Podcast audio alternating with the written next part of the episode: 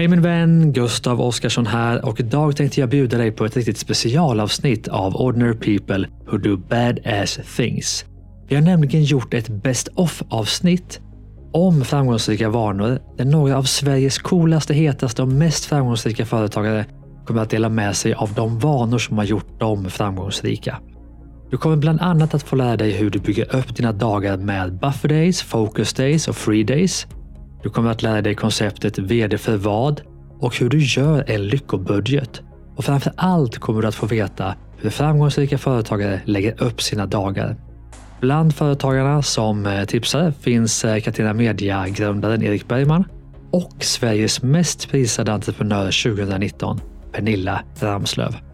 Med andra ord är detta ett avsnitt som du kommer att gilla skarpt, så håll i hatten, för här kommer framgångsvanorna som du kan sno direkt.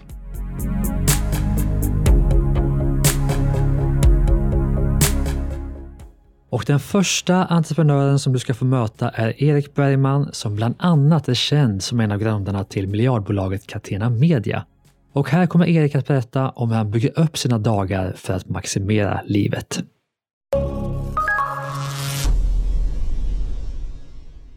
Men låt oss då ägna oss åt någonting som är lätt att kopiera och det är ja! de vanor du har, tänker jag.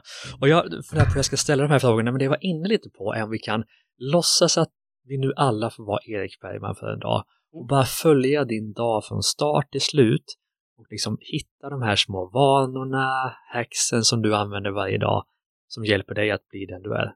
Mm. Kan vi ta det från start till mål? Yes, fast vi tar det från mål till, till mål. Ja. Uh, för att jag, jag, börjar i änden att gå och lägga mig. Uh, och jag börjar i den änden för att sömn är någonting som jag känner är väldigt, väldigt viktigt. Så att jag går och lägger mig rätt tidigt och det handlar egentligen om att min flickvän gillar att gå och lägga sig tidigt. Jag gillar att gå och lägga mig med henne. Så att jag går och lägger mig vid typ halv elva och sover i princip alltid åtta timmar per natt. Um, jag tror inte alls på att sova kort tid och försöka pressa ut grejer, utan jag tror på att sova så mycket som möjligt. Och jag har alltid night shift på telefonen, jag dimmar ner lampor i i eh, lägenheten och sänker även ljuset på tvn till minimum om jag sitter och kollar på tv på kvällen för att det hem, ljus hämmar melatoninnivåerna i kroppen som gör att det är svårare att somna. Så och att, jag, att, du sover sämre när du väl... Och att du sover sämre, precis. Så att det första jag gör och den första och kanske viktigaste vanan av alla är att jag tar väldigt väl hand om sömnen och anstränger mig mycket för att eh, det ska bli bra.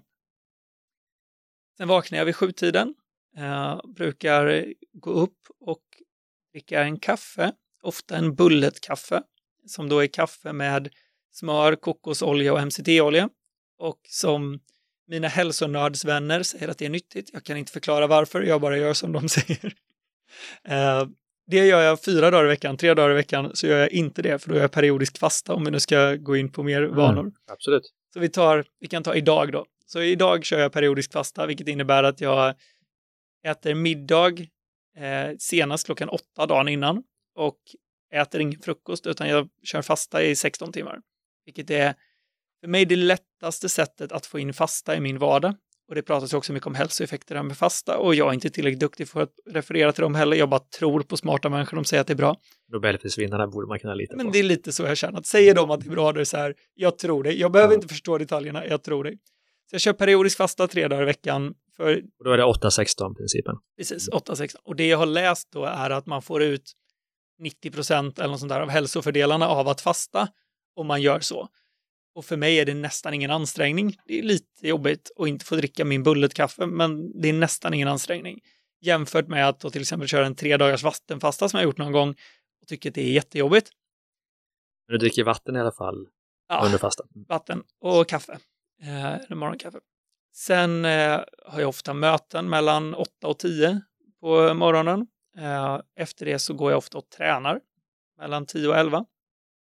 Jag kör nästan alltid med PT, Eh, vilket är en av de sakerna jag väljer att lägga mycket pengar på. För att det här är också en grej i vanan. Jag har alla träningspass inbokade i förväg. Om jag har en PT som står och väntar på mig så måste jag ringa honom och säga jag kommer inte. Och det gör att jag kommer.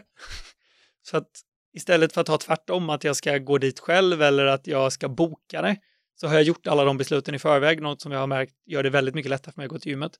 Och då går jag istället dit och är det så att jag känner mig sjuk så säger jag det. Jag är inte taggad idag, Al, vi tar ett väldigt lugnt träningspass. Och då är han helt fin med det. Men jag håller uppe vanan av att alltid gå dit för att jag har bokat in den i, i, i förväg och har någon som står och väntar på mig.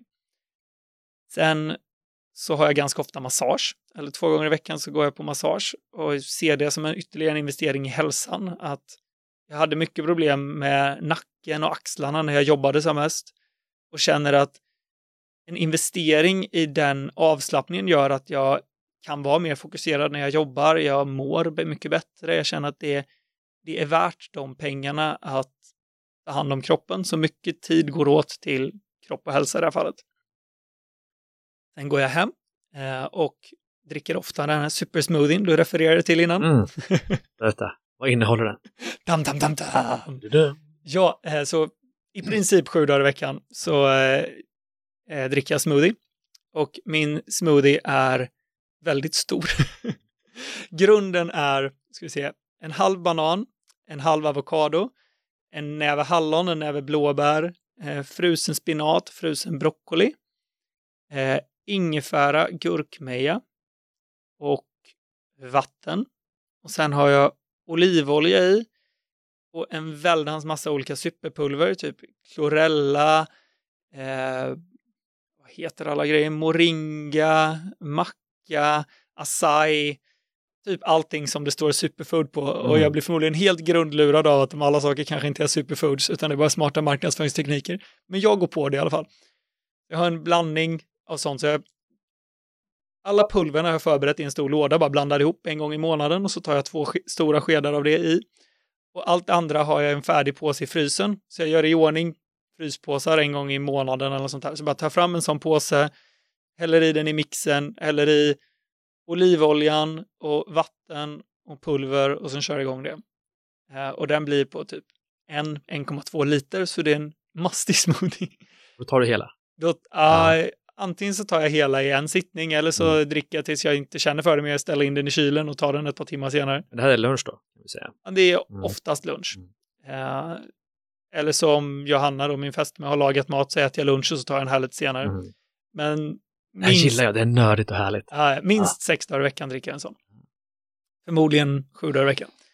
Uh, efter det så tar jag ofta en powernap. Återigen, jag tror att sömnen är väldigt viktig. Och om jag inte känner att jag har kreativ energi så vet jag att jag kommer ändå bara hamna på Facebook eller någon annan sajt och bara fördriva tiden. Jag kommer inte få ut något av de närmsta 20 minuterna. Och då, då är jag antingen all in på produktivitet eller all in på vila. Och ofta då efter att jag ätit så är det all in på vila i typ 20 minuter. Och då sätter jag nästan alltid en klocka på 20 minuter och ja, men, lägger mig ner och blundar och jag behöver inte somna utan bara vila. Det är också en sån här sak som jag har lärt mig. Jag började läsa på om sömn för några år sedan. Med tanken, jag vill sova mindre, jag vill sova fem timmar per natt och ändå göra maximal nytta. Och så konstaterar jag att sömn är typ det enda som alla experter håller med varandra om. Alltså så här, börjar du kolla om kost, det finns ju inte någonting inom kost som alla håller med varandra om. Men sömn verkar alla experter hålla med om. Sov absolut inte mindre än sju timmar. Sov helst åtta. Och sov.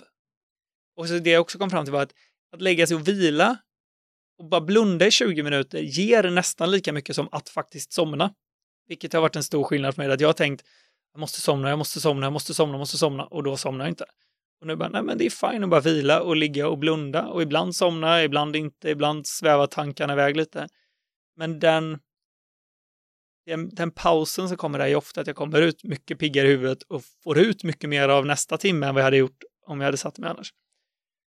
Sen sitter jag ofta med möten eller olika grejer. Just nu lägger jag väldigt mycket tid på Instagram, så jag svarar på väldigt mycket meddelande där. Eh, bygger det communityt under så många timmar som jag har energi.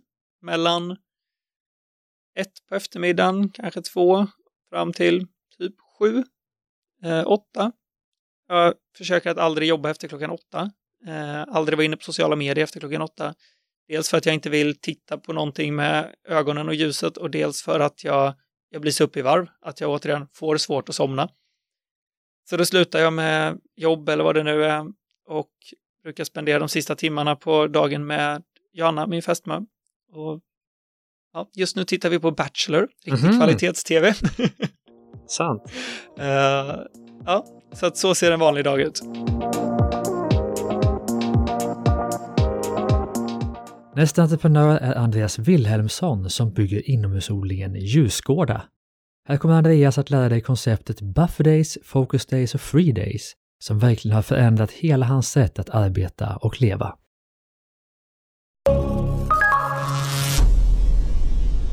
En sak jag tycker är fascinerande är produktivitet och vanor. Och produktivitet så har jag testat olika, jag vet du, du har ju din eh, perfekta dag, du planerar mm. ditt liv efter allt det här. Men en grej jag har hittat kommer från en kille som heter Dan Sullivan eh, som har ett program som heter Strategic Coach som jag åker fyra gånger per år till London för att ta del av. Och där jobbar vi med buffer days, focus days och free days. Mm. Och det skulle jag säga, det har gjort enormt stor skillnad eh, för min del i alla fall produktivitetsmässigt och då, då ändå nördat produktivitet ett tag. Men det handlar om att du delar in året inte i veckodagar, inte i eh, alltså så här, timmar hit och dit, utan du delar in det i kompletta dygn. Och så har du då Eh, focus days där du egentligen då fokuserar på det som är inkomstbringande för bolaget eller det som är din huvuduppgift just nu. För Ljusgårdas del, nu är vi i en kapitalanskaffningsfas. Vi ska nu ta in kapital för att gå från alltså bevisat marknad, bevisat teknik till att vara ett lönsamt bolag nu på ett år. Och så då är det det som är min focus days. Allt som har med kapitalanskaffning att göra. Det kan vara kontakta investerare, det kan vara skapa pitch deck, det kan vara ja, men allt som har med det att göra gör jag på en focus day. Och det är bara det, alltså så här, 80% av dagen ska speglas av det för att det ska räknas som en focus day. Sen har du eh, free days som är alltså, var helt ledig. Jag kan understryka helt. Betyder har du öppnat mejlen en gång, då var det ingen free day. Men du tänker ändå antar jag? Det är svårt att inte tänka på saker. Ja, ja men... idéer då och då och hit och dit. Jo, men det gör det, men grejen är att när, de kommer ändå oftast, eh, jag har märkt det, ju, ju, mer, ju mer jag är ledig, ju mer jag verkligen vilar upp hjärnan inför en uppgift, då kommer du in så mycket mer utvilad och då kommer idéerna direkt så att jag har då ändå känt med det här systemet att jag faktiskt lyckas få idéerna lite på paus. Sen självklart, ibland ploppar det upp någon idé och då ser jag alltid till vart jag än är att ha ett anteckningsblock nära. Skriv ner den, stäng boken så inte den idén ligger och bubblar i över en timme. Utan den är där fem minuter, jag skriver ner den, så kan jag plocka upp den när det är relevant. Så du har focus days, free days, buffer days. Det här är den intressanta. Det är dagar som ska förbereda focus days och free days. Och det kan handla om att eh, schemalägga, planera. Det kan handla om att utveckla dig själv. Det kan handla om att eh, rensa mejlen, delegera. Alltså det är det du gör då. Och det, det som jag tycker är så skönt med en buffer day, det är en dag där du verkligen, det, det är okej okay lite det här med busy work den dagen. Det vill säga att du har det här bocka av mejlen och så, saker som liksom i, i, varje liten grej kanske inte för dig så jättemycket långt framåt, men ändå saker som behöver göras. Du klumpar dem på vissa utpekade dagar. Mm. Och så är du redo kan för... Kan vi kalla det administration eller är det mycket annat också? Administration ja. råkar vara en av de mm. eh, buffer day-aktiviteterna som landar där för att mm. jag har än så länge inte delegerat eh, alla de sakerna som det innebär att ja, men bara boka tåg och hotell och mm. allt vad det nu är. Men eh, det kan även vara, om vi säger så här, åka på Nordic Business Forum är en buffer day aktivitet när det är att utveckla mig själv.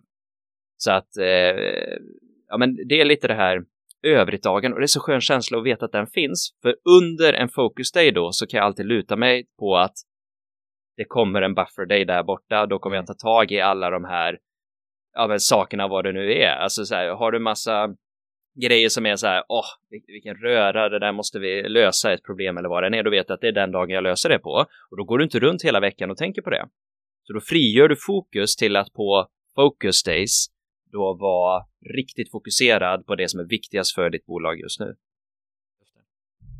Jag har ju ett annat sätt som jag jobbar med, med att hålla fokus och det är ju att det första jag gör varje dag så gör jag först den första viktigaste, alltså den mest viktiga uppgiften och sen den näst viktigaste uppgiften. Och har jag då bara gjort dem två så kan jag ändå vara nöjd med dagen. Jag kollar aldrig mejlen och telefonen och så innan det. Så det är ett annat sätt att få fullt fokus på vad som är viktigast. Och det kan du tillämpa också, även på de här dagarna. Du har ju en eh, bland dina vi ska kalla administrativa uppgifter eller planering eller vad det än är så har du någonting som är lite jobbigare fylla i en rapport till Jordbruksverket eller vad det nu mm. kan vara och då gör du ju den först, den viktigaste, jobbigaste där medan på en focus day kanske det är då att ja men nu ska jag skriva klart det där eller jag ska göra klart den där budgeten. Mm. Men det har med ämnet att göra så att du hela den dagen går och tänker på en enda sak. Och det är hur kan, i, i fallet nu för Djurgårda då, hur får vi in rätt kapitalpartners till Djurgårda? Mm. Så focus days, buffer days och, och buffer, days. days. Hur många av varje har du ungefär? Eh, det är också spännande för nu har jag börjat tracka det mm. och jag tro, innan jag började tracka det här så trodde jag, ja men jag har rätt så mycket fritid, jag är rätt så mm. duktig på att vara ledig. Mm. Men i och med att definitionen här är 24 timmar så insåg jag att, oj då, här har jag att eh, lära mig. Så att jag skulle säga att just nu, åh, jag åker en gång i kvartalet till London och har ju då en exakt siffra på eh, hur många jag har. Men eh, eh, ja, men vi, vi gör så här. Jag har mm. faktiskt Jag har ju för sjutton min eh, planerare här. Ska vi se här. Jag har den senaste perioden och då har jag inte varit så duktig på att vara superledig. Varit ledig fem dagar, 13 focus days och 17 buffer days. Mm. Är det den ration du tänker att du behöver ha för att komma dit du vill? Eller behöver du öka någonting? Ja, jag skulle vilja ha lite, jag vill kanske ha, eh, om vi tar på en vecka så eh, är mitt mål att ha två free days, behöver inte vara på helgen och mm. de kan sitta klumpade alltså på ett annat sätt. Mm. Men eh, om vi tar på en vecka för att jämföra, två free days, tre focus days, två buffer days. Mm. Focus och buffer days är andra vägen om just nu ungefär. Och där handlar det om att träna, delegera och öva så att du kan lägga den tredje dagen också.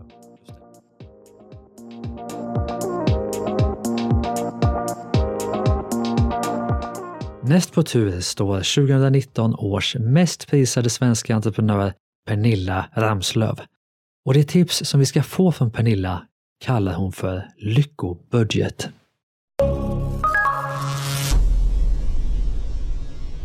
Vi upplever att många som kommer hit som driver stora företag eller har gjort det eh, och jobbat mycket, de säger att jag har fokuserat på företaget oerhört mycket, många timmar, och jag har fokuserat på min familj. Men jag har haft svårt att hålla i med kompisar och, och så. Hur upplever du det? Ja, men jag är nog eh, benägen att hålla med. Mm. Eh, man behöver ju prioritera mm. i livet. Ja, eh, någonting måste ju bort om du ska lägga fler någonting timmar måste på, bort, på absolut. Eh, sen så, man får hitta sätt att göra det där på. Mm. Eh, men det är viktigt att faktiskt det här med livspusslet och balansen i livet som man pratar så mycket om. Jag tror mm. att det är det handlar mycket om prioriteringar. Mm. Att man faktiskt är ganska ärlig med sig själv. Mm. Och bestämmer sig för vad är det jag vill prioritera. Mm. Jag brukar göra något som jag kallar för min lyckobudget. -hmm. Det jag en gång i halvåret men sätter mig ner och eh, tittar på mig själv utifrån tre olika perspektiv. Mm. Så det ena är jobbet, det andra är aktiviteter mm. och det tredje är familjevänner. Och eh, titta på vad vill jag göra mer av, vad vill jag göra mindre av mm. ut i de olika perspektiven. Så på jobbet, vad vill jag göra mer av, vad vill jag göra mindre av? Mm. Eh, vänner och familj, vilka vill jag umgås med mer, vilka vill jag umgås med mindre? Mm. Och det där handlar ju väldigt mycket om personligt ledarskap. Mm. Eh, att faktiskt sätta sig själv i förarsätet och bestämma, inte bara åka med, utan ta medvetna beslut mm. vad man vill göra mer av och mindre av. Mm. Och det där är ju föränderligt. Under vissa perioder på jobbet och i livet så vill man fokusera på andra saker. Mm. Och i nästa fas så är det andra saker som är viktiga. Mm. Jag tror det är otroligt viktigt att man faktiskt sätter sig där i förarsätet. Mm. Eh, och det handlar ju mycket om ledarskap som vi pratade om tidigare. Mm. Jag är helt övertygad om att om man inte kan leda sig själv så kan man inte leda andra. Det börjar med det, det personliga.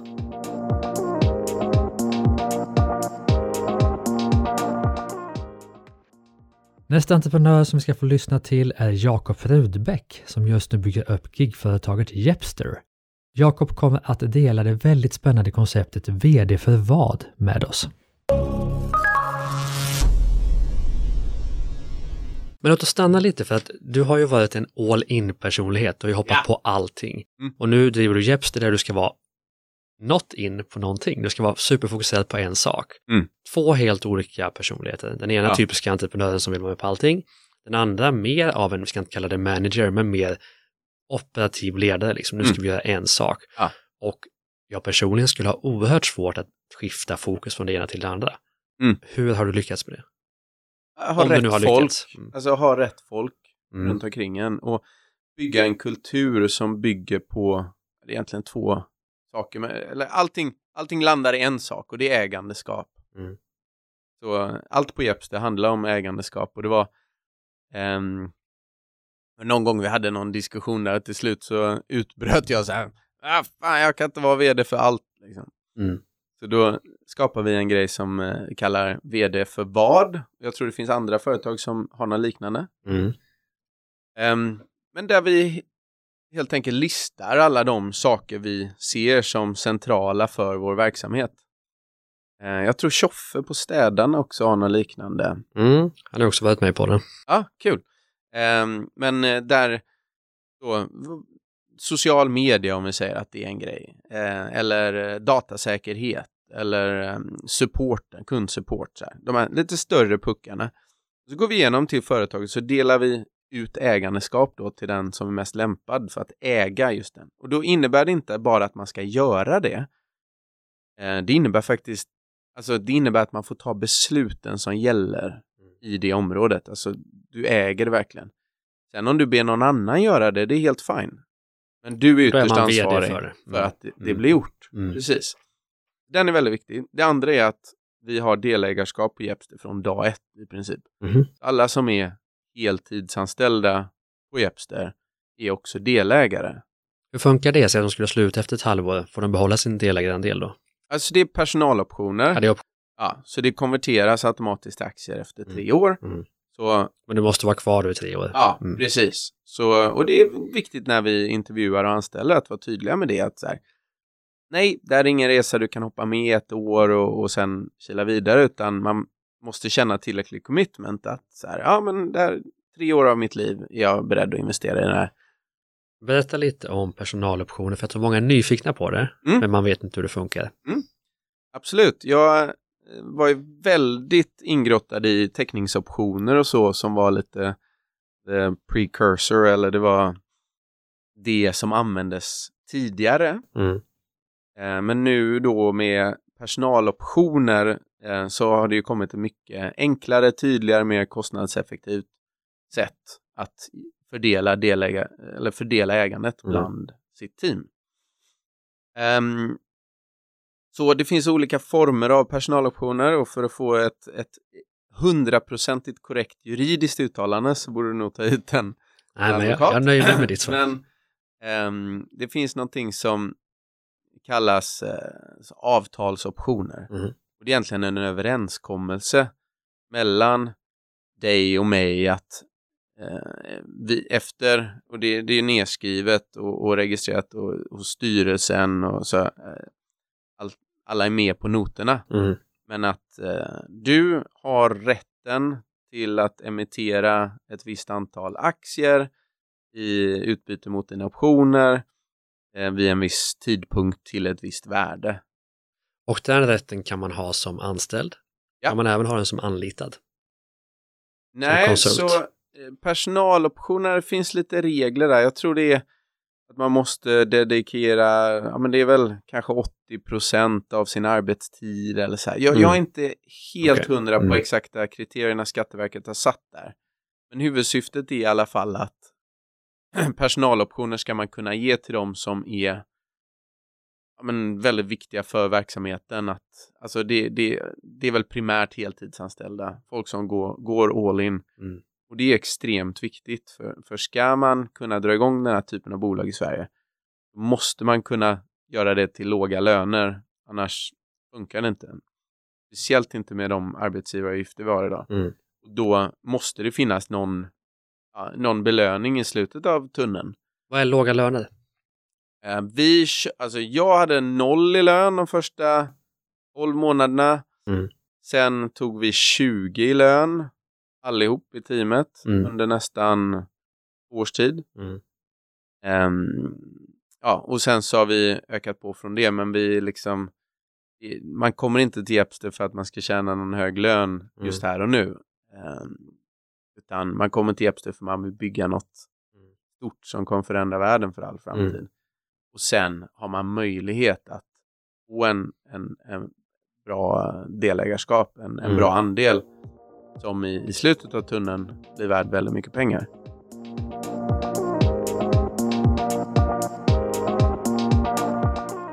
Och den sista entreprenören ut i detta spännande Best of avsnitt är Robert Malmqvist som byggde och sålde gasellföretaget Precont innan han åkte på 300 dagars semester med familjen jorden runt. Här berättar Robert om principerna från Robin Sharma som låg bakom all framgång.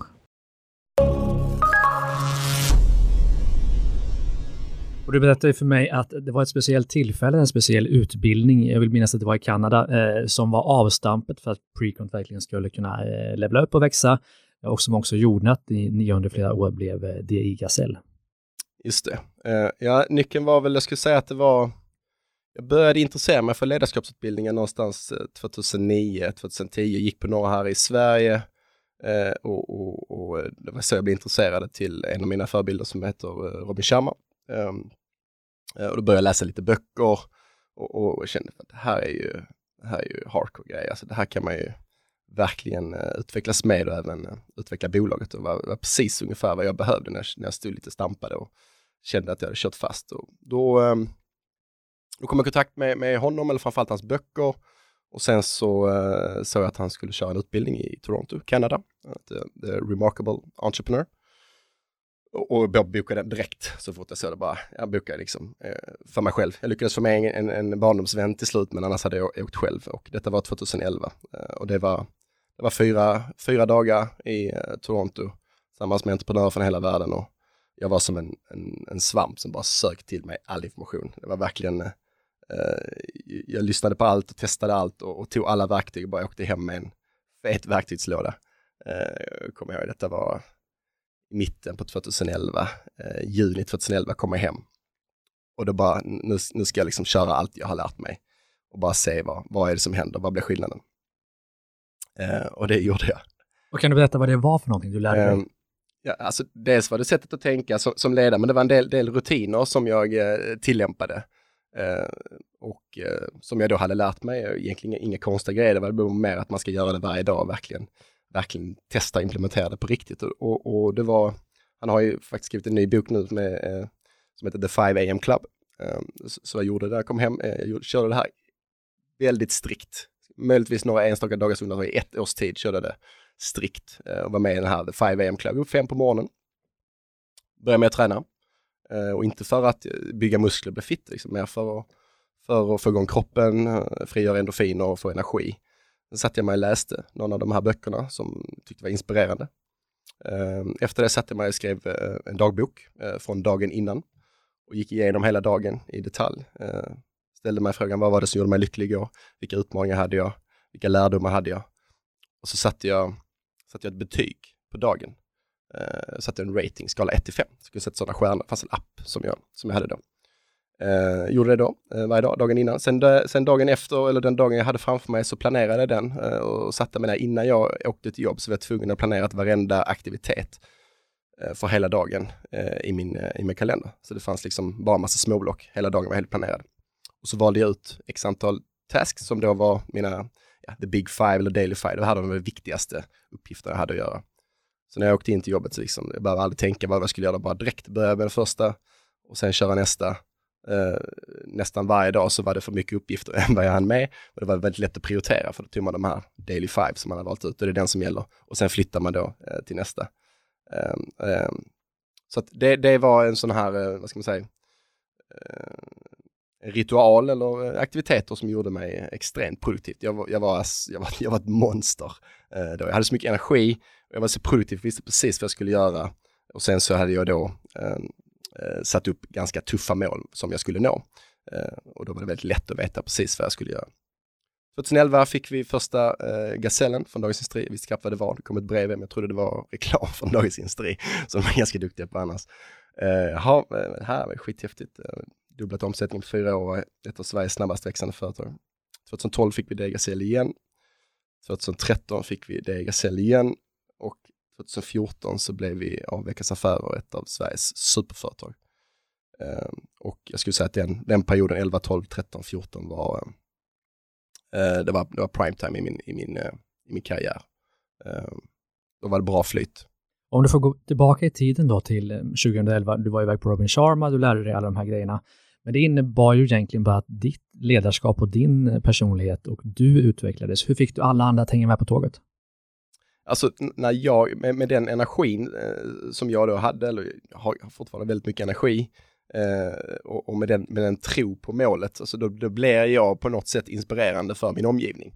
Eh, eh när folk ser på mig att jag har eh, bara, bara, min blick och min, liksom, min tro på det här när jag blir genuin och äkta, då, då är det lättare att få med sig folk. Så det, det är egentligen eh, bara mitt, mitt sätt att vara och få med sig folk. Eh, och, och, och, såklart när jag trodde så mycket på någonting och jag berättade det här i planen, det här ska vi göra, eh, vi kommer klara det här, det är inga problem. eh, så, eh, så lyssnar folk och då är det lättare att få folk till att verkligen engagera sig. Eh, och jag hade, jag hade grymma medarbetare som, som jobbade extremt mycket och var extremt lojala. och egentligen är huvudnyckeln till att uh, Precont utvecklades som, som det gjorde. Det mina vänner var ett riktigt best of-avsnitt i Ordinary People Who Do Badass Things med tips på vilka vanor du kan låna för att bli lika framgångsrik som entreprenörerna vi just har fått träffa. Ett annat tips för att levla ditt bolag och dig själv, det är att bli premiummedlem på Driva eget. Just nu har vi årets bästa erbjudande där du får e-boken Så bygger du ditt drömföretag i nio steg och gratis ID-skydd på köpet när du blir medlem. Och dessutom så kostar det bara 29 kronor första månaden och detta gäller bara de 100 första som signar upp för detta. Så först till kvarn och länk för att göra detta finns i bion för detta avsnitt.